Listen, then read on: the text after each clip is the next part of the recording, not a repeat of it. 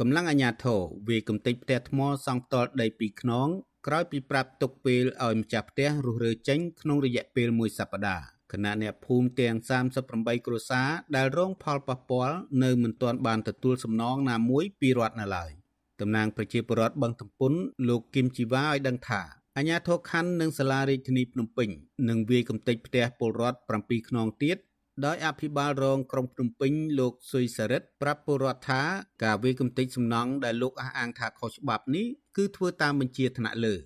លោកបន្តថាអាជ្ញាធរបានគម្រាមកំហែងពលរដ្ឋនិងអ្នកសារព័ត៌មានមិនឲ្យថតសកម្មភាពវាយកំទេចផ្ទះពលរដ្ឋឡើយដោយប្រមានចាប់ខ្លួនបើមិនព្រមលុបរូបថត និងវីដេអូឲ្យអស់ពីក្នុងទូរស័ព្ទ លោកបន្ថែមថាពលរដ្ឋដែលរងផលប៉ះពាល់38គ្រួសារបានស្វែងរកដំណោះស្រាយបញ្ហានេះចាប់តាំងពីសាលាសង្កាត់រហូតដល់សាលាក្រុងនិងបានដាក់ញត្តិនៅក្រសួងដែនដីនិងខុទ្ទកាល័យលោកនាយករដ្ឋមន្ត្រីអស់រយៈពេលជាងកន្លះឆ្នាំមកហើយប៉ុន្តែមិនទទួលបានការដោះស្រាយណាមួយឲ្យពលរដ្ឋទេបែរជាអាជ្ញាធរប្រើកម្លាំងមកបំផ្លាញលំនៅឋានពួកគាត់ទៅវិញ។លោកយល់ថានេះជារឿងអយុត្តិធម៌សម្រាប់ពលរដ្ឋរស់នៅបឹងទំពុន ដែលបានរស់នៅទីតាំងនេះចាប់តាំងពីឆ្នាំ1980មកដោយគ្រួសារនីមួយៗមានបានសម្គាល់ក្បាលដីចេញដោយអាជ្ញាធរមូលដ្ឋានត្រឹមត្រូវសំណង់រឹងគួរតែខ្វៀលឲ្យបងប្អូនប្រជាពលរដ្ឋនិងអ្នកភូមិផងចិត្តខាងខ្ញុំឬក៏បើជាដីតទេនឹងដោះស្រាយតាមគោលនយោបាយសឈនរបស់ ទីស្តីការគណៈរដ្ឋមន្ត្រីរបស់ឯកឧត្តមសុភិរិននឹងក៏បានដែរបាទពីតម្លៃពី20ដុល្លារទៅ60ដុល្លារហ្នឹងក៏បានដែរបងយើងជាប្រជុំពលរដ្ឋយើងស្ដាប់ស្ដាប់ថ្នាក់ដឹកនាំបើថាគេទាមទារឲ្យសងយើង60ដុល្លារយើងក៏ទទួលយកថាដកសង60ដុល្លារក៏យើងយកដែរបាទតែយើងសុំឲ្យខ្វៀលផ្ទះខ្វៀលអីជាសំណងរឹងមាំទៅព្រោះឥឡូវលុយ60ដុល្លារមិនអាចទៅទិញដីធ្វើផ្ទះសបាយនៅក្នុងក្រុងបានទេបាទ វិទ្យុអស៊ីសេរីមិនអាចសុំការឆ្លើយតបរឿងនេះពីអភិបាលខណ្ឌមានជ័យលោកពេជ្រកែវមនីនិងអភិបាលរាជធានីភ្នំពេញលោកខួងស្រេងបានទេដោយសារទូរស័ព្ទហៅចូលតែពុំមានអ្នកទទួលតើតងរឿងនេះអ្នកសម្របសម្រួលគម្រោងធុរកិច្ចនិងសិទ្ធិមនុស្សរបស់មជ្ឈមណ្ឌលសិទ្ធិមនុស្សកម្ពុជា លោកវ៉ាន់សុផាត មានប្រសាសន៍ថា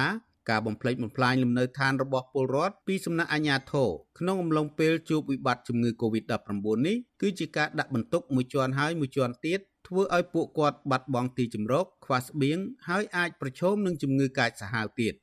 លោកបន្តថាពលរដ្ឋមិនជំទាស់ចំពោះការអភិវឌ្ឍរបស់រដ្ឋាភិបាលទេប៉ុន្តែក្នុងកលៈទេសៈដ៏លំបាកនេះរដ្ឋក៏គួរតែយោគយល់ពីសុខទុក្ខរបស់ប្រជាពលរដ្ឋដែរលោកស្នើដល់អាជ្ញាធរឲ្យពន្លឿនដំណោះស្រាយជូនពលរដ្ឋឲ្យបានឆាប់ស្របតាមច្បាប់ដែលមានស្រាប់និងផ្អាកសកម្មភាពឈូសកំទេចផ្ទះពលរដ្ឋតទៅទៀត។ បញ្ហារឿងដីធ្លីនេះគឺក្រើកឡើងវិញដោយសារតែអាជ្ញាធរនឹងហាក់បីដូចជាយកឱកាសនេះដើម្បីបន្ទឿនក្នុងការដេញវិពលរដ្ឋនៃគោលដៅនៃគម្រោងអភិវឌ្ឍឬគោលដៅនៃការបណ្ដេញចេញពីមុនមកវាជាបញ្ហាមួយដែលរំលោភសិទ្ធិមនុស្សសិទ្ធិនៅឋានសិទ្ធិមានស្នេហាសុវត្ថិភាពជាងអីហ្នឹងគឺទៅទាំងអស់ជាមួយគ្នាហ្នឹងអញ្ចឹងសរុបសេចក្តីមកគឺថាការអនុវត្តនេះគឺការអនុវត្តផ្ទុយនឹងច្បាប់ដែលមានស្រាប់ហើយក៏ការអនុវត្តដែលផ្ទុយពីគោលការណ៍រដ្ឋាភិបាលក៏ដូចជាស្ថាប័នក្នុងការទប់ស្កាត់កូវីដ19ដែរបាទកាលពីថ្ងៃទី20ខែកុម្ភៈឆ្នាំ2018ទីស្តីការគណៈរដ្ឋមន្ត្រីបានចេញសេចក្តីជូនដំណឹងមួយសម្រាប់កាត់ដីបឹងទំពុនទំហំ35ហិកតាទៅឲ្យក្រុមហ៊ុនភ្នំពេញ Precast Plan ដើម្បីធ្វើអាងស្តុកទឹកបឹងទំពុនតូច និងបឹងទំពុនធំ ដោយរក្សាទុកបឹងសម្រាប់បម្រើប្រយោជន៍សាធារណៈ ទីស្តីការគណៈរដ្ឋមន្ត្រីក៏បានបញ្ជាឲ្យរដ្ឋបាលរាជធានីភ្នំពេញរក្សាផ្ទៃបឹងទំពុនតូចដែលមានទំហំជិត13ហិកតាដែលនៅសល់ដោយស្ដារបឹងនឹងរៀបចំបុកជញ្ជាំងជុំវិញដើម្បីការពារកុំឲ្យមានការរំលោភបំពាននិងរក្សាទុកជាអាងស្តុកទឹកសម្រាប់ថ្ងៃអនាគត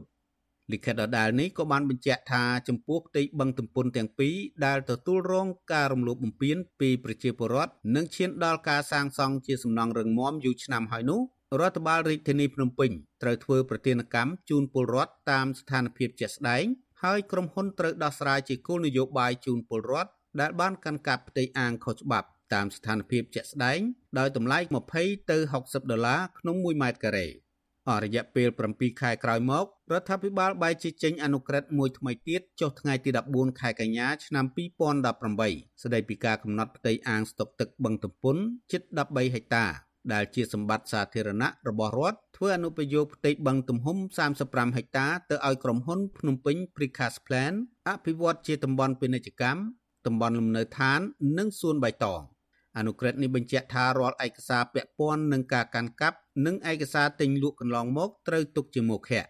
ប្រជាពលរដ្ឋរស់នឹងបឹងទំពុន38គ្រួសារស្នើសុំអាជ្ញាធរឲ្យកាត់ជ្រឿលដីលំនៅឋាន និងចេញប្លង់កម្មសិទ្ធិជូនពួកគាត់ ចំណែកដីនៅសល់ពីនោះពួកគាត់លក់តាមតម្លៃដែលរដ្ឋបានកំណត់